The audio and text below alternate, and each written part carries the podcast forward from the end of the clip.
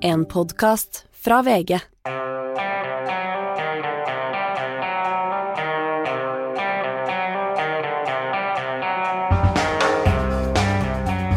Det hviler alltid et mørke over 22. juli.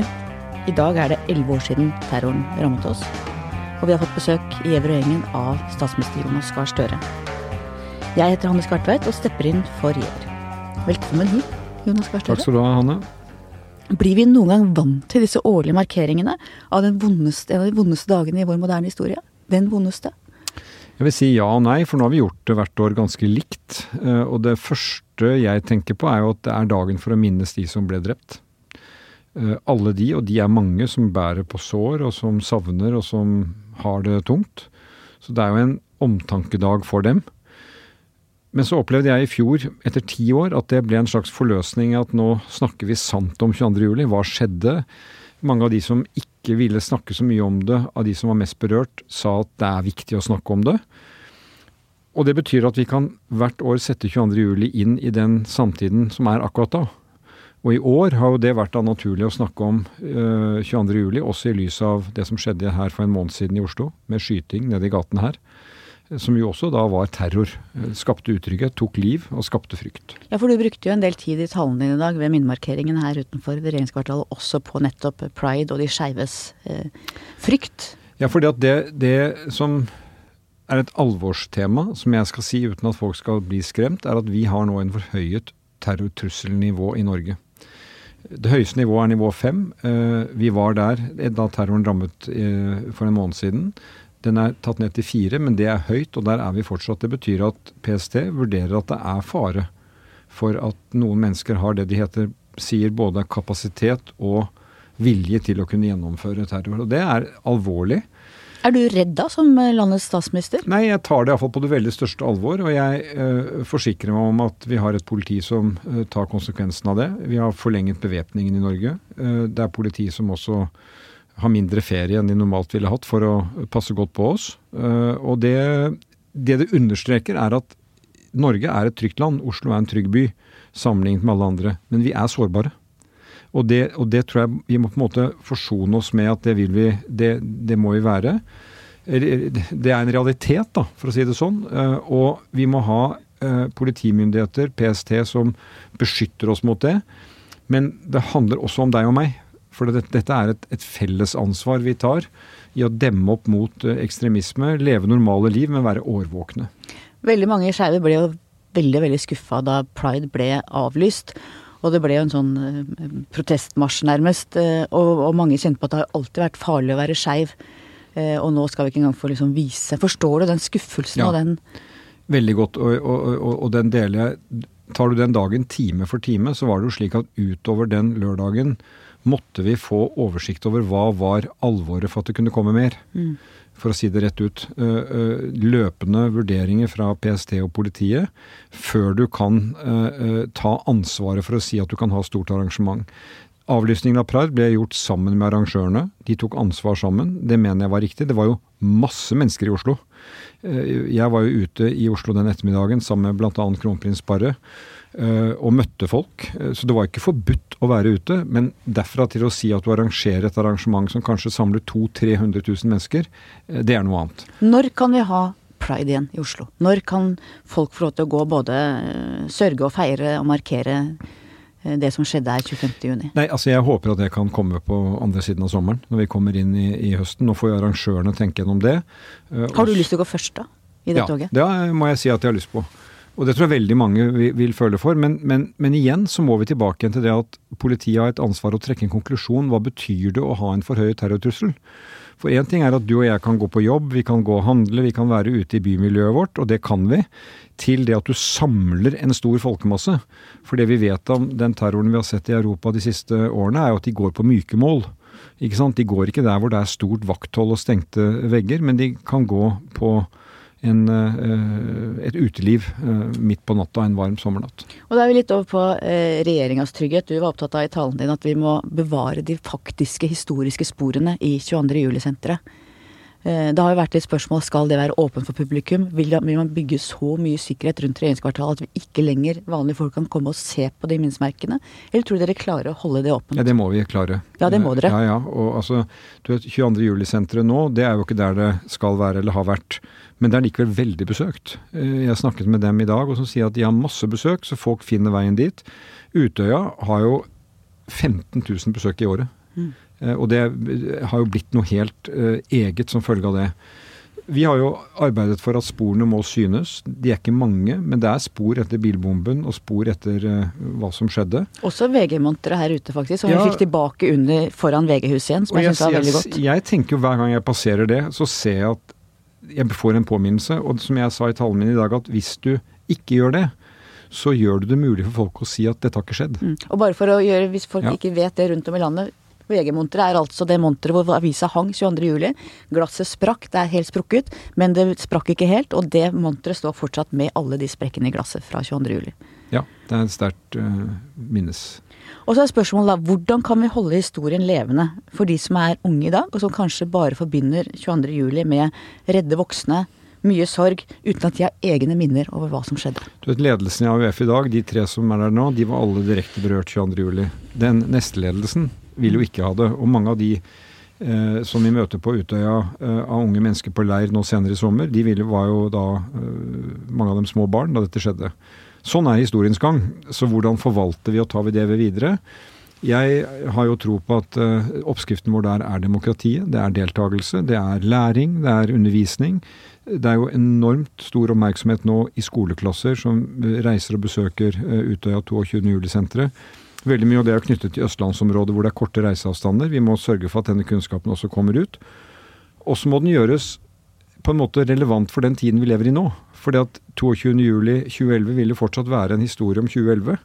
Men hvor ser vi igjen dette? Hvor ser vi at holdninger kan bli til handlinger? Hvor ser vi ekstremisme? Hvor ser vi hat? Nå skal vi ha en ekstremismekommisjon som skal gå til, til kjernen i hvordan oppstår dette, både basert på norsk kunnskap og internasjonal kunnskap. Og da må vi altså klare å gjøre dette treffsikkert for den tiden vi lever i. 2022, 2025, 2030. Det kommer til å være med oss. Og du har jo fulgt mange av dem som ble direkte berørt i årevis. Er det sant at tiden leger alle sår? Det sa vi den sommeren at det er ikke sant. Eh, men det vi også sa var at tid gjør noe med oss. Eh, og det syns jeg at jeg ser. Jeg syns jeg ser en, en sorg som ofte er enda dypere. Fordi at det er dette med du ser venner som vokser opp og får barn og øh, går videre i livet. Det er jo ikke mitt barn. Uh, slik at mye av den sorgen kan ofte være liksom enda vondere. Og samtidig så går jo på en måte livet videre, øh, og du, du, du, jobber med det. Men jeg har veldig respekt for at mennesker sørger veldig forskjellig. Det har iallfall jeg lært uten å følge av dette. Det er ikke sånn at den som ikke gråter, ikke sørger, og den som gråter, sørger mer. Vi sørger på hver vår måte. Og det må vi ha veldig respekt for. Jeg tror vi har lært veldig mye, uh, veldig mye av mye om sorg. Hatet der ute lever, og det tar ulike former. Men er hatet likevel ganske likt? Er det sånn at det springer ut av de samme kildene? Det er et stort og krevende faglig spørsmål. Eh, eh, det har noen like kjennetegn ved at det er veldig forenklende, veldig eh, kategoriserende, putte folk i bokser, polariserende, det er svart-hvitt livet, iallfall sånn er livet mitt, jeg tror livet ditt òg, er jo ikke svart-hvitt. Det er jo mange, mange farvesjatteringer. Konspirasjonsteoriene som driver frem hatet. Jeg mener jo at Ukraina-krigen har jo også en konspirasjonsteorielement i seg. Bygget opp en argumentasjon som, som setter hatet på spissen. Uh, det jeg har vært opptatt av helt siden uh, vi hadde den heftige striden om karikaturene, det er jo at det blir ofte de sterkeste meningene på yttersidene som tar hele debatterrenget. Mens vi har et stort moderat flertall i folket uh, som er både fornuftig, de kan være veldig uenige, men, men de, de, klarer å debattere på en ordentlig måte. Men trekker seg tilbake fordi det blir så veldig sterkt i ytterkantene. Og sosiale medier forsterker jo det. Så jeg er tilhenger av at vi må ta tilbake debatten. Mm. Vi, vi, må ta tilbake diskusjonen for å forstå hva, hva hat er. Si fra om at det du driver med nå, er en hatefull ytring som korter ned avstanden til at noen kan gå fra holdning til handling. I fjor ble det fastslått endelig og tydelig at angrepet 22.07 var et angrep på Arbeiderpartiet. Og vi ser at det er et sterkt hat mot Arbeiderpartiet og også mot deg som Ap-leder og statsminister. Hvordan forholder du deg til det?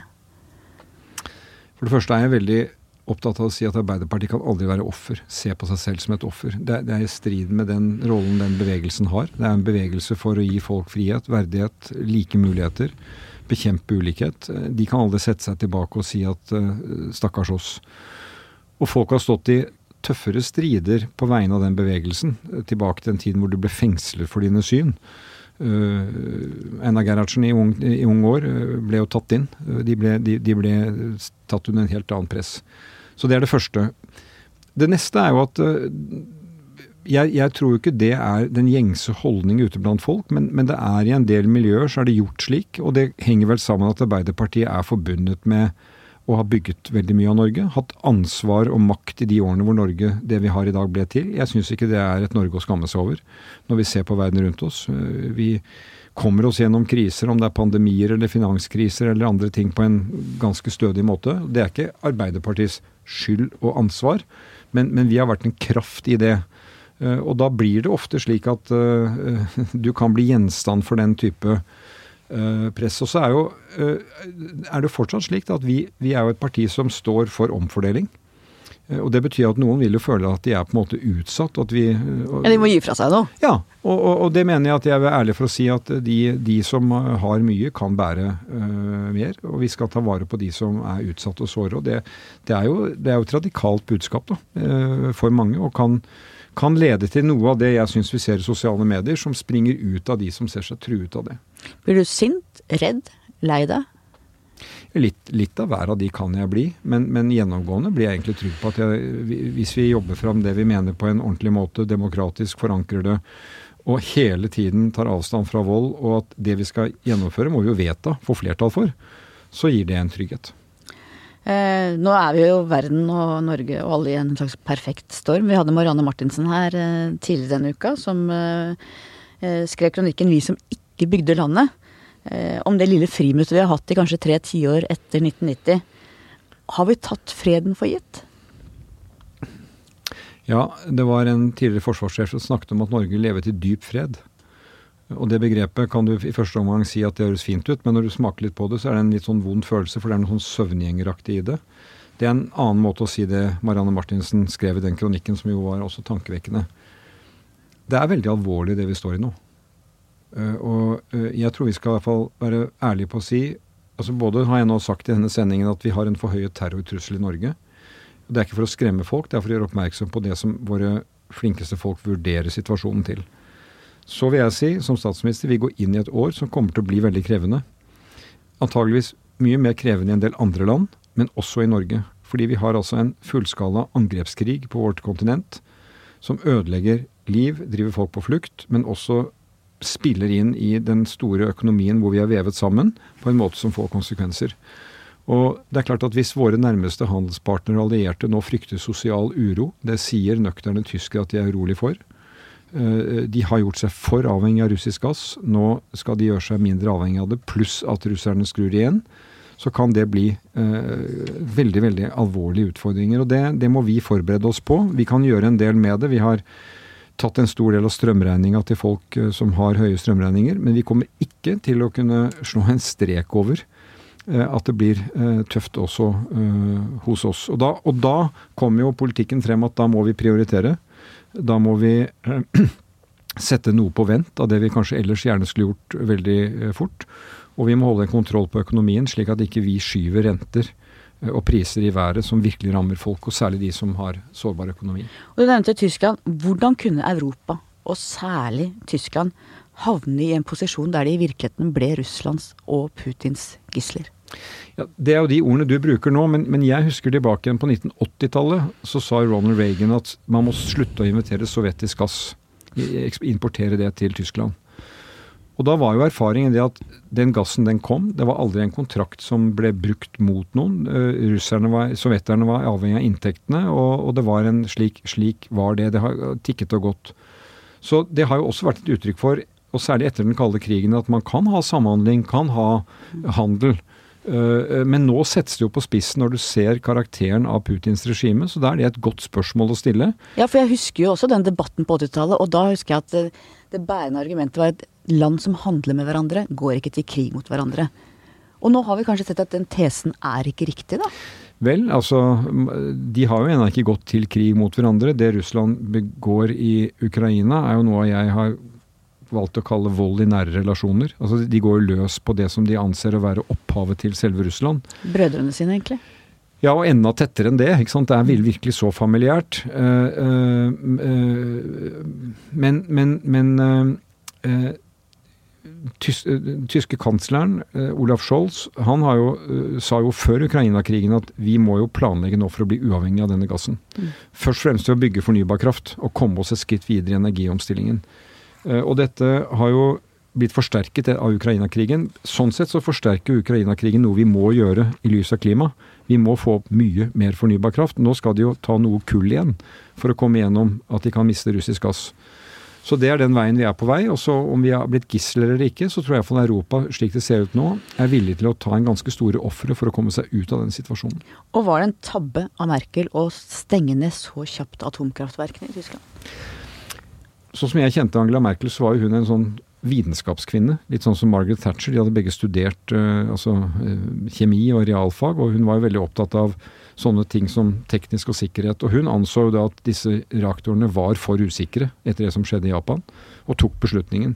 Og tyskerne tar jo ikke lett på slike beslutninger. Uh, så kan vi si i dag, i lys av det vi ser, men du vet, det er ikke sånn at et atomkraftverk kan du bare videre forlenge. Eh, da må du bygge nye og satse en ny generasjon. Franskmennene gjør jo det. De har jo hele sin kraftidentitet knyttet til, til atomkraft. Finnene gjør det. Ja, finnene gjør det. Og jeg møter mye norsk debatt. Kan ikke vi også gjøre det? Men jeg tror det er veldig gal prioritering av Norge. Vi har ikke en atomkraftkultur. Vi har ikke ingeniører, fagfolk, fagarbeidere, industritradisjoner. Der er jo vi veldig sterke på vannkraft, havvind, offshore. Og det er der vi må bruke kreftene våre. Vi har sett på mellomkrigstiden. De som levde da, visste jo ikke at de levde i en mellomkrigstid.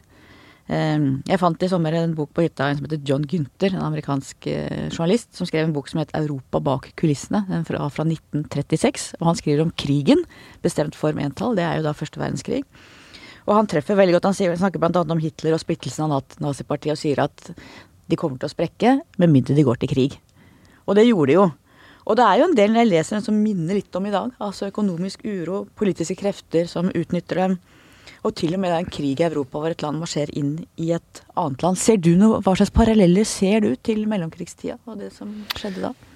Det er en bok som heter The Sleepwalkers. Ja. En annen bok som forteller om hvordan man kom til den første verdenskrigen, som man trodde skulle bli en rask krig. Jeg har lest en annen bok i sommer av den svenske historikeren Petter Engelund, som følger en del uh, skikkelser som er med på første verdenskrig, uh, og parallellene til det. Det er paralleller ved hvert krigsutbrudd, men som du vet som journalist, så er jo sannheten det første offeret i krigen. Slik at kriger tar jo alltid andre veier enn det var tenkt fra starten. Og det er jo bekreftet i stor grad nå. Putin skulle ha en militærteknisk operasjon, trodde han ville klare dette på noen få uh, dager, uker. og han har nå anslagsvis mistet 15 000-20 000 uh, mann drept, 50 000-60 000 såret. Det er en tredjedel kanskje av de han gikk inn med. Det er helt enormt. Så det er jo mer på enn to-tre måneder uh, enn det de mistet i ti år i Afghanistan. Uh, men fortsatt innen Ukraina. Så det er paralleller både til den ene og andre krigen. Det er nyttig å lese det, men jeg tror vi må gå inn og konsentrere oss om her og nå. Hvor er vi nå? Og det vi jo ser, er betydningen av Nato-alliansen at den er der, at den er intakt. At den på Nato-toppmøtet før sommeren mener jeg klarte å oppdatere seg, oppgradere seg. Norden kommer nå inn uh, i Nato. Vi uh, har et forsvar som, som er uh, moderne. Vi har moderne teknologi. Vi har brukt mye penger på å investere. og vi samtrener godt med våre allierte. Så den, dette med å ha et forsvar som skal forsvare Nato er en defensiv allianse. Norden truer ingen. Der er det mange lærdommer å trekke på hvordan det har feilet før mm. som vi ikke skal gjøre nå. Men som sagt, når du slipper løs en krigsmaskin som det som har skjedd i Ukraina, så er det også fortsatt veldig mye usikkerhet med det. Og det er den, den store og, og utrygge tragedien vi har i Europa akkurat nå. Og du har sagt at vårt forhold til Russland ikke kan bli det samme noen gang med Putin ved makten. Så hva tenker du blir Norges forhold til Russland i åra framover? Altså jeg har jo også pleid å si at vi har vært i fred med Russland i tusen år. Vi er vel det eneste nabolandet Russland aldri har vært i krig med. Og eh, jeg forteller ofte historien nå om samtaler med andre uh, kolleger som er naboer med Russland, hvor vi har det til felles at vi er naboer med Russland, men det er veldig, to veldig forskjellige ting. Det å være norsk nabo, finsk nabo, estisk nabo har jo dramatisk ulike historier. Så jeg ser det jo slik at vi kommer fortsatt til å være nabo med Russland. Vi må, vi må, finne en vei med naboen din. Det må du jo i privatlivet ditt over gjerdet gjøre, og du må også gjøre det i verden. Men, men, den måten det regimet har utviklet seg på, de verdiene de legger til grunn, måten de tar beslutninger, måten de bruker makt på, det, det endrer jo det forholdet ganske fundamentalt. Men så må vi håndtere det, og vi må gjøre det med fasthet. Samtidig så må vi jo løse en del ting som er i naboskapet. Og så må vi løfte blikket og se at vel, fremover så vil det jo komme nye korsveier. Og, og nye folk. Og nye folk. Øh, og det er ikke garanti at det er nye folk til det bedre, men, men vi må jo jobbe for at det blir en bedre, en bedre framtid. Og tror du at EU og Europa klarer å stå samlet lenge nok i møte med Russland, eller vil det sprekke på et tidspunkt?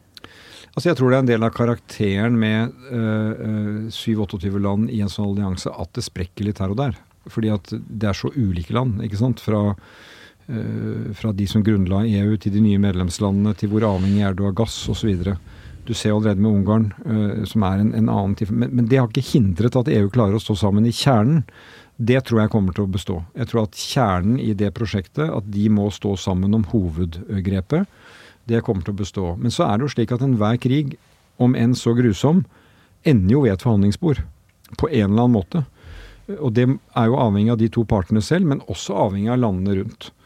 Eh, så jeg tror ikke dette kommer til å bringe EU til oppløsning. Men det som nå skjer på energi, med en mangedobling av prisene på noe som industrien trenger, det kommer til å gå utover arbeidsplasser, det stiller EU overfor den største prøven jeg tror de har vært på noen gang. Mm. Og husk på det, den arabiske våren kom fordi matprisene gikk opp. Det som kommer til å skje av økninger nå, er mye mer. I mye større områder. Så kan man bare tenke seg selv til hva det kommer til å bety av ustabilitet tett på Europa. Både i vår del av verden og særlig i fattigere deler, selvfølgelig. Ja, Nord-Afrika, Midtøsten, øh, inn. Se på Sri Lanka, som er styrt ganske dårlig, men også mistet alle inntektene fra turismen under pandemien. Mm. Uh, og i dag er de jo i dyp, dyp krise.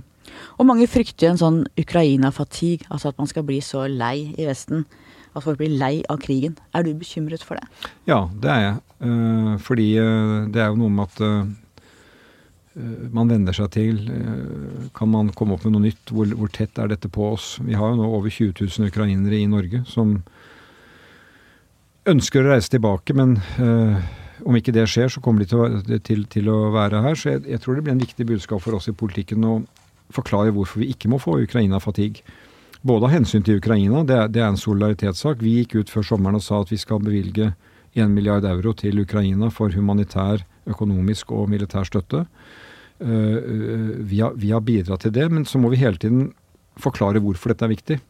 Eh, og hvorfor den krisen som er der hvis, vi, hvis, vi, på en måte lukker øynene til den og bare liksom lar den skje, så kan prisen bli enda større. Det var jo noe av det Jens Stoltenberg som generalsekretær i Nato understreket, at du betaler en pris på to måter. Altså Noe koster penger, noe koster liv. Nå betaler ukrainerne med liv. Men vi skal være ærlige og si at liksom, de gjør det for seg, men de gjør det også for ganske mange flere. Fordi det handler om å si si nei til bruk av militærmakt. Og da kommer nettopp prisen vi må betale, ikke sant. Eh, og vi er tross alt heldige. Altså nordmenn er jo blant de mest heldige i Europa, ja egentlig i hele verden. Og de aller fleste har det jo ganske bra i Norge. Og det er jo ikke alltid de som har minst, som klager mest. Og hvordan klarer du å balansere mellom forståelsen for at mange sliter, og samtidig realitetsorientere oss andre. Fortelle oss hvor privilegerte vi faktisk er, både i eh, europeisk og global målestokk. Det siste har jeg litt sånn eh, blandet erfaring med det å si til folk at vi er så privilegerte, så liksom eh, hold kjeft, på en måte. Men vi er jo det. Jo, men, men, men, det er ikke det argumentet, tror jeg, som lettest leder til at folk sier at ja, ok, men da klager jeg ikke over at strømmen er dyrere, maten er dyrere, eller at renta har gått opp. Så jeg tror det mer er litt i forlengelse av det vi begynte med samtalen med, dette med å snakke sant om 22.07. Vi må snakke sant om det vi står overfor. Det er noen utfordringer som kommer nå ved at når det er mye mindre gass i Europa, så går de prisene veldig mye opp. Når det er mindre olje på markedet, så blir ø, oljen dyrere. Det er jo ikke statens avgifter som går opp når bensinprisen er gått opp, det er andre priser. Eh, og etter en pandemi hvor land nå kjører i gang økonomien sin igjen, så kommer det trykk på inflasjon. Da går prisene opp, og renta går opp. Det må vi være ærlige og forklare. Og så mener jeg vi må, må være da tydelige på å si at uh, det må mange av oss bare det må vi klare å håndtere og leve med. Det, det, da blir det litt mindre. Vi må skyve på noe, både som land i forhold til hva vi kan bygge og investere i. Uh, og du og jeg må kanskje tenke gjennom at ok, den ferien må vi gjøre litt annerledes. Men det, jo, det blir jo en gruppe hos oss som blir ekstra rammet, og de må vi stille opp for, spesielt. Og For meg er det to tilnærminger. Det ene er som sosialdemokrat så ønsker jo jeg gode generelle velferdsordninger som gjør at det er rimelig å ha barn i barnehagen. Du må ikke ta ut barna dine av barnehagen fordi det blir dyrtid. Eh, ha dem på skolefritidsordning, ha tilgang til helse. Vi må, og det er et seigt, vanskelig arbeid, få flere fastleger, slik at du har, får hjelp til helsehjelp. Og så si ganske ærlig at de av oss som da uh, har uh, mye, er i en god posisjon. Vi må ta litt mer uh, av den regninga. Det er fordelingspolitikk. Og så kan vi jo toppe det med å si at av alle land, så er vi det som er kanskje best plassert til å kunne gjøre det. Vi har økonomiske muskler, vi har tillit, vi har samhold. Men jeg har iallfall sjelden sett at folk på en måte krummer eh, nakken og musklene når de får høre at dere er så privilegerte, så liksom shut up og, og, gjør jobben. Vi må forklare hva det handler om, og hvorfor politikk blir viktig. Eh, og finansminister Trygve Slagsvold Vedum har jo vist oss regnestykker for ikke så lenge siden over hvor, alt, hvor bra alt skal bli for norske familier. Og nå blir det jo ikke sånn. Har han det alvoret, den tyngden som trengs i rollen som finansminister i en tid som dette? Ja, det mener jeg. Og vi er en regjering. Det Trygve gjorde der, var jo å legge frem tall han fikk fra Finansdepartementet hvis, hvis det går som det går, planlagt da, tidligere i år. Eh, så, eh, så ligger det an til det. Eh, og det gjorde det jo også på det tidspunktet. Det som har skjedd siden det, er at vi får denne inflasjonen som jo i norsk sammenheng i stor grad er importert, kommer fra utlandet. Eh, og vi får en rente som går fortere opp enn eh, en mange hadde trodd, så skal ikke vi bidra til det fra regjeringens side. Eh, og det krever at vi har et måtehold og holder tilbake på. Noe han også sier veldig klart fra. Så dette begrepet trygg økonomisk styring, det må nå på en måte ta, ta, ta det ledende spor. Og det er et viktig ansvar for regjeringen. Samtidig sørge for at det er en rettferdig fordeling hvor de som blir særlig rammet, blir sett og, og, og hjulpet. Du hadde jo en Sigbjørn Johnsen i sin tid som på en måte kunne si med stor tyngde 'vi har ikke peng'. Han snakker jo kanskje samme dialekt som Slagsvold Vedum, men Slagsvold Vedum oppleves vel der ute som en litt mer lett, morsom fyr. Mer enn den alvor, alvorstunge 'nå er det krise', folkens. Altså, jeg husker Gro Harlem Brundtland hadde et, et utsagn som jo Det er opplagt, men det er interessant å si samtidig. Det var jo tilbake igjen til da Sigbjørn Johnsen var finansminister den gangen. Det var å si at du kan forklare folk hvorfor du ikke kan bruke penger du ikke har. Det er vanskeligere å forklare hvorfor du ikke kan bruke, ikke kan bruke penger du har. Og det er veldig forskjellig fra en familie, eh, familiebudsjettet, og et land. Fordi hvor mye penger staten bruker, har betydning for veldig mye, eh, mye mer. Eh, og nå er vi i en situasjon hvor vi har, vi har, en reserve. Det er ment til pensjoner. Vi har en handlingsregel, den følger vi. Og vi har en finansminister som følger det, som er en dyktig, erfaren politiker. Eh, og som eh, skal også forstå den tiden som, som, er i forandring. Vi har gått gjennom et år som har blitt, som har blitt uh, veldig dramatisk. Og, og, jeg sier som statsminister det kan bli veldig vanskelige tider framover også, som kommer til å kreve det aller beste av oss. Nettopp, og du har vært inne på det også. Har dere vært flinke nok til å si det blir veldig tøft? Litt sånn Churchill, det blir blod, svette, svette og tårer. Eh, skjønner folk der ute eh, alvoret, og har dere i sterk nok grad klart å formidle alvoret med det vi står overfor, som kan bli veldig veldig tøft denne høsten? Ja, Det får jo andre enn jeg vurdere, da. Men altså fra 25.2, dagen etter denne krigen, så mener jeg vi har kommunisert eh, alvoret rundt det veldig tydelig. Og det er en veldig alvorlig situasjon i Europa, med krig i Europa. Først og fremst av de menneskelige lidelsene, men også når ringvirkningene begynner å komme. Og vi sa siden mars at da må vi gå inn og se på en del av det vi hadde lyst på å gjøre, hadde tenkt å gjøre. Det må skyves på. Min forgjenger hun sa det bygges som aldri før, og vi skal stå på med det. Eh, og det var på en måte mantra. Vi har kommet inn og sett byggeprosjekter, eh, eh, veier, infrastruktur, som ryker så det suser etter. Altså var ment å koste så mye, og så koster det mange, mange ganger mer. Det har vi sagt, det går ikke. Og det nikker jo veldig mange til, inntil du kommer akkurat til deg og det prosjektet nære deg. Det skjønner jeg. Men jeg varsler også det at eh, det, det, må vi gjøre. Eh, vi er nødt til å holde igjen både fordi at mange av de prosjektene er helt urealistisk priset, og at vi ikke kan bruke eh, så mye penger på, på så kort tid, når vi står oppe i en tid hvor økonomien er slik som den er nå. Tidligere... Men husk på det, bare la meg si en ting at vi skal kommunisere også det at på dette ene året så har vi altså fått 100 000 flere i jobb i Norge. Og det er ikke, og vi har den laveste arbeidsledigheten vi har hatt på mange mange år. Og de som nå kommer i jobb, er ikke nødvendigvis folk som kommer fra arbeidsledighet, men de kommer fra å ha vært utenfor arbeid. Og nå kommer de inn. Så vi har jo en mulighet nå til å få flere av de som har lyst på arbeid, men kanskje ikke helt har kommet inn, til å komme inn. De med hull i CV-en? Ja, hull i CV-en, eller har av en eller annen grunn vært eh, på, på utsiden, og vi trenger dem. Jeg hørte nå, eh, jeg var i Agder i sommer, hvor vi nå har, får en store satsinger på nye grønne industrinæringer. Det er stor optimisme i Agder. Agder har jo ofte hatt pessimisme, nå er det optimisme. Jeg hørte boligprisene i Arendal har gått veldig mye opp, og det er eh, jeg snakka med en jeg kjenner det, som var bare helt sånn Arendal bare ruler. Ja, og det, jeg kjenner Arendal godt. Og hvis du går langs kysten, havvindmiljøet der er veldig sterkt. De er veldig langt framme.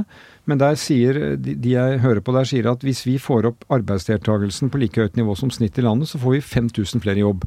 Og det trenger vi. Vi skal jo nå bygge batterifabrikk der eh, med, med, flere tusen ansatte. Helt ledende på teknologi. Så her er det også noen veldig spennende ting som skjer. Og i denne energikrisen Europa nå er i, så ser de jo til Norge og ønsker samarbeid. Tyskland ønsker et industrielt samarbeid om hydrogen, om havvind, eh, om nye teknologier. Og, og det er også et et optimistisk budskap i det hele. Det er, det er få land som har så mange muligheter å ta som det vi har. Og Tidligere i sommer så ble det jo tvungen lønnsnemnd i Nordsjøen, begrunnet i sikkerhetspolitikk. Det er første gang i norsk historie. Det forteller vel ganske mye om den situasjonen Europa nå er i? Ja, men det forteller også litt om Nå skal jeg si noe som og ikke alltid er så lett i mediene. Det forteller også litt om norske medier. For knapt noen kommenterte det. Mm. det jeg var på ferie. Ja, så du er unnskyldt. Men jeg, jeg, jeg, merket meg jo det at altså, dette var over hele førstesiden i Financial Times at hvis 50% av norsk gasseksport uteblir, så kan det bli kaos i Europa. Så uh, dette er jo ikke hvilken som helst avis som ikke lager hvilken som helst forside. Uh, og vi fikk jo henvendelse fra europeiske regjeringer som sa at med Russlands, Russlands gass som uteblir pga. krig, hvis Norge da uteblir, så, så, får vi altså rett og slett veldig, veldig alvorlig situasjon. Og da var min vurdering at normalt sier vi at tvungen lønnsnemnd, helse og sikkerhet skal være, liv og helse skal være i fare. I overført betydning, det kunne det vært her òg, men det var ikke det som var det utløsende. Det var det at uh, denne sikkerhetspolitiske situasjonen var slik at vi kunne ikke sitte og se på det.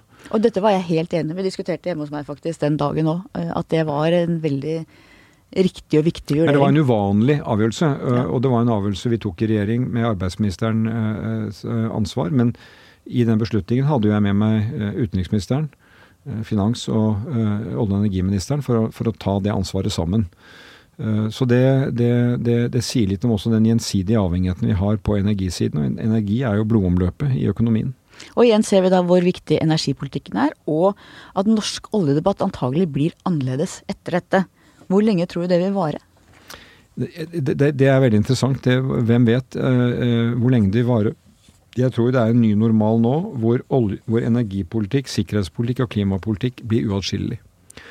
Og det som jo er i, i, hermetegn litt oppløftende, det er jo at denne krisen har jo bare forsterket trykket på fornybar energi. Vi må få frem mer vind til hav, mer vind på land, klare å løse de konfliktene. Mer sol, kjempepotensialet. Eh, eh, og energikilder som da frigjør oss fra det fossile.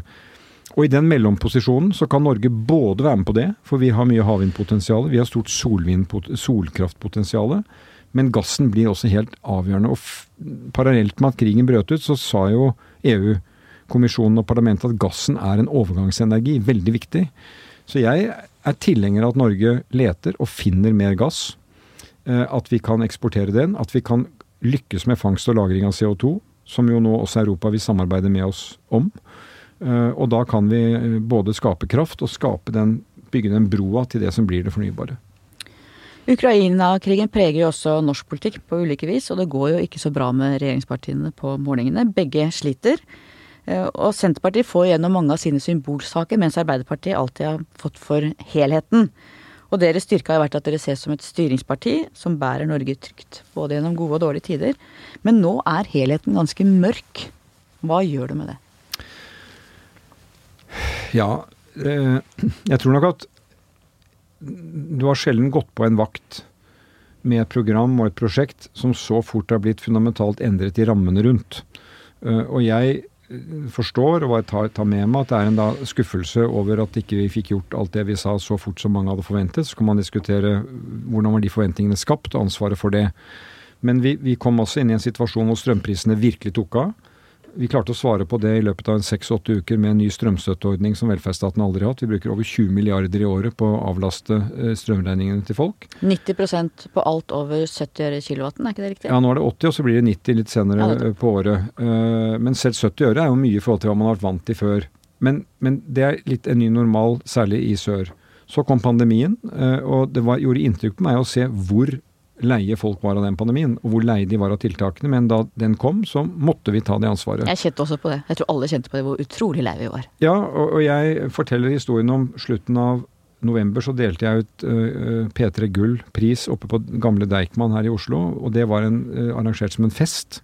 Hvor det var så tett med folk at jeg tenkte at dette er virkelig uttrykket for at nå er det over. Og det var i slutten av november, og vi var urolig fordi sykehusinnleggelsene var på vei opp med den gamle varianten. Og så kom den nye. Så vi måtte håndtere det, og så kom krigen i Ukraina med de økte prisene fortsatt på energi. Så det er alle regjeringer som står i det, og er kommet på vakt med det, de, de, de tror jeg har fått en smell. Så må jo vi ta, diskutere og få kritikk av hva som må, har vært og ikke har vært. Men vi må tilbake igjen til det, tror jeg, at vi må da snakke sant om det som er. For, formidle det vi, det vi ser. Si at Norge har fortsatt store muligheter til å klare dette veldig bra. Jeg mener jo det er et stort mål å klare å holde folk i jobb.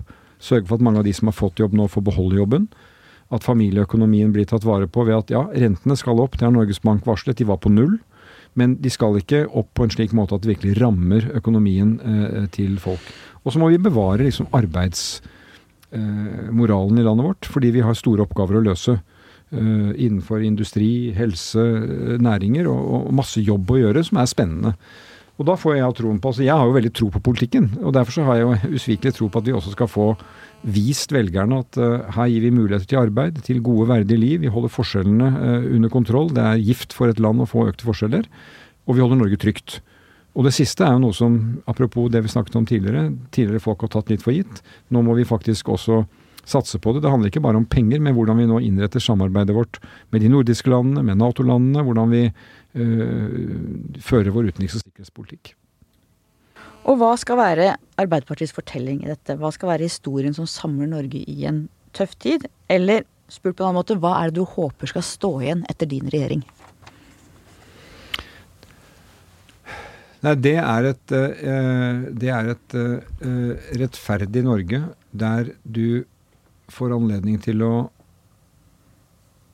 ta dine eh, ønsker og evner i bruk, eh, komme i arbeid, eh, verdien av å være i arbeid, tryggheten med det, og at vi har et, et fellesskap der vi stiller opp for hverandre. Det har båret Norge fram til der vi er i dag. Det er det velferdsstaten er bygget på. Det er ikke bevilgningene, men det er viljen til at vi stiller opp sammen, at den er intakt.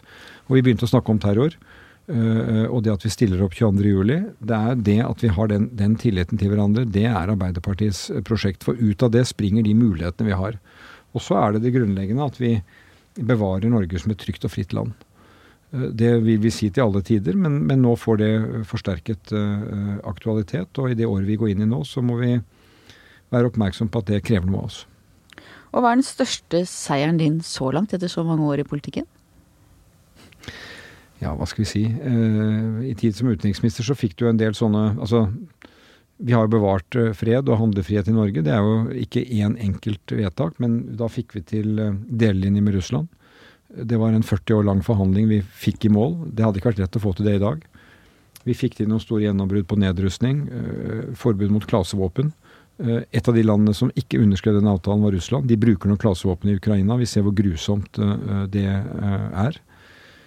Og så er vi der vi er i dag, så mener jeg at det vi nå har satt i gang på havvindutvikling i Norge, vil gi oss et stort nytt fornybar energikapittel.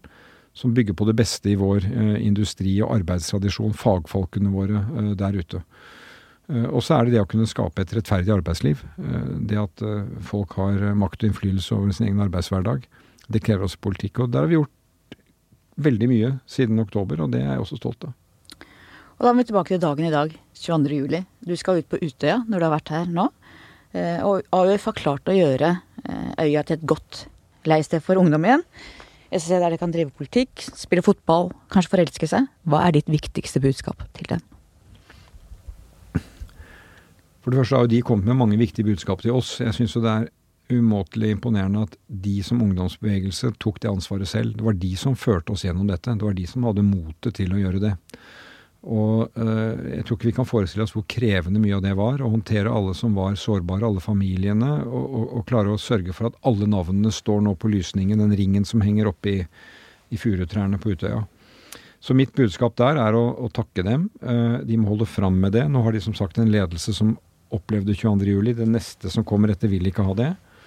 Og så har jeg sagt som tema i dag at eh, vi må De ulike gruppene i Norge må snakke til de de når fram til slik at de blir hørt.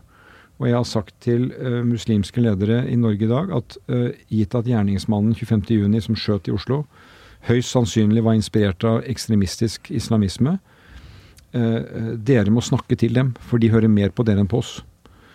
I fjor sa vi det til den demokratiske høyresida i Norge, at dere må snakke til miljøer som jeg når, når vanskeligere fram til. og ble jo møtt bl.a. av eldre høyrefolk som syntes de ville ha seg frabedt det budskapet. Men unge høyrefolk de sa at selvfølgelig, det tar vi. Det rollen tar vi. Det var jeg veldig imponert over.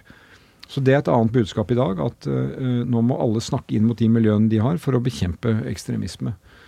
Og jeg håper at hver 22.07 blir en sånn aktualitetsdag. Hva er viktig å formidle fra det budskapet som 2011 var, i akkurat det året vi er i nå?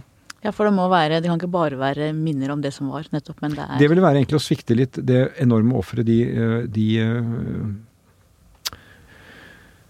måtte betale. Uh, de som ble drept, og de som ble såret og skadet. Det må være en aktualitet i det. Ja, jeg er enig. Jonas Gahr Støre, tusen takk for at du kom.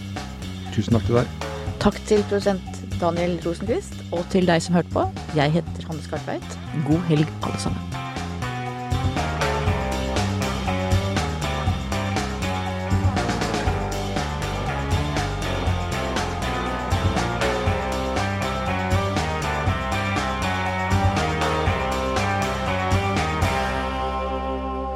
Du har hørt en podkast fra VG. Ansvarlig redaktør, Gard Steiro.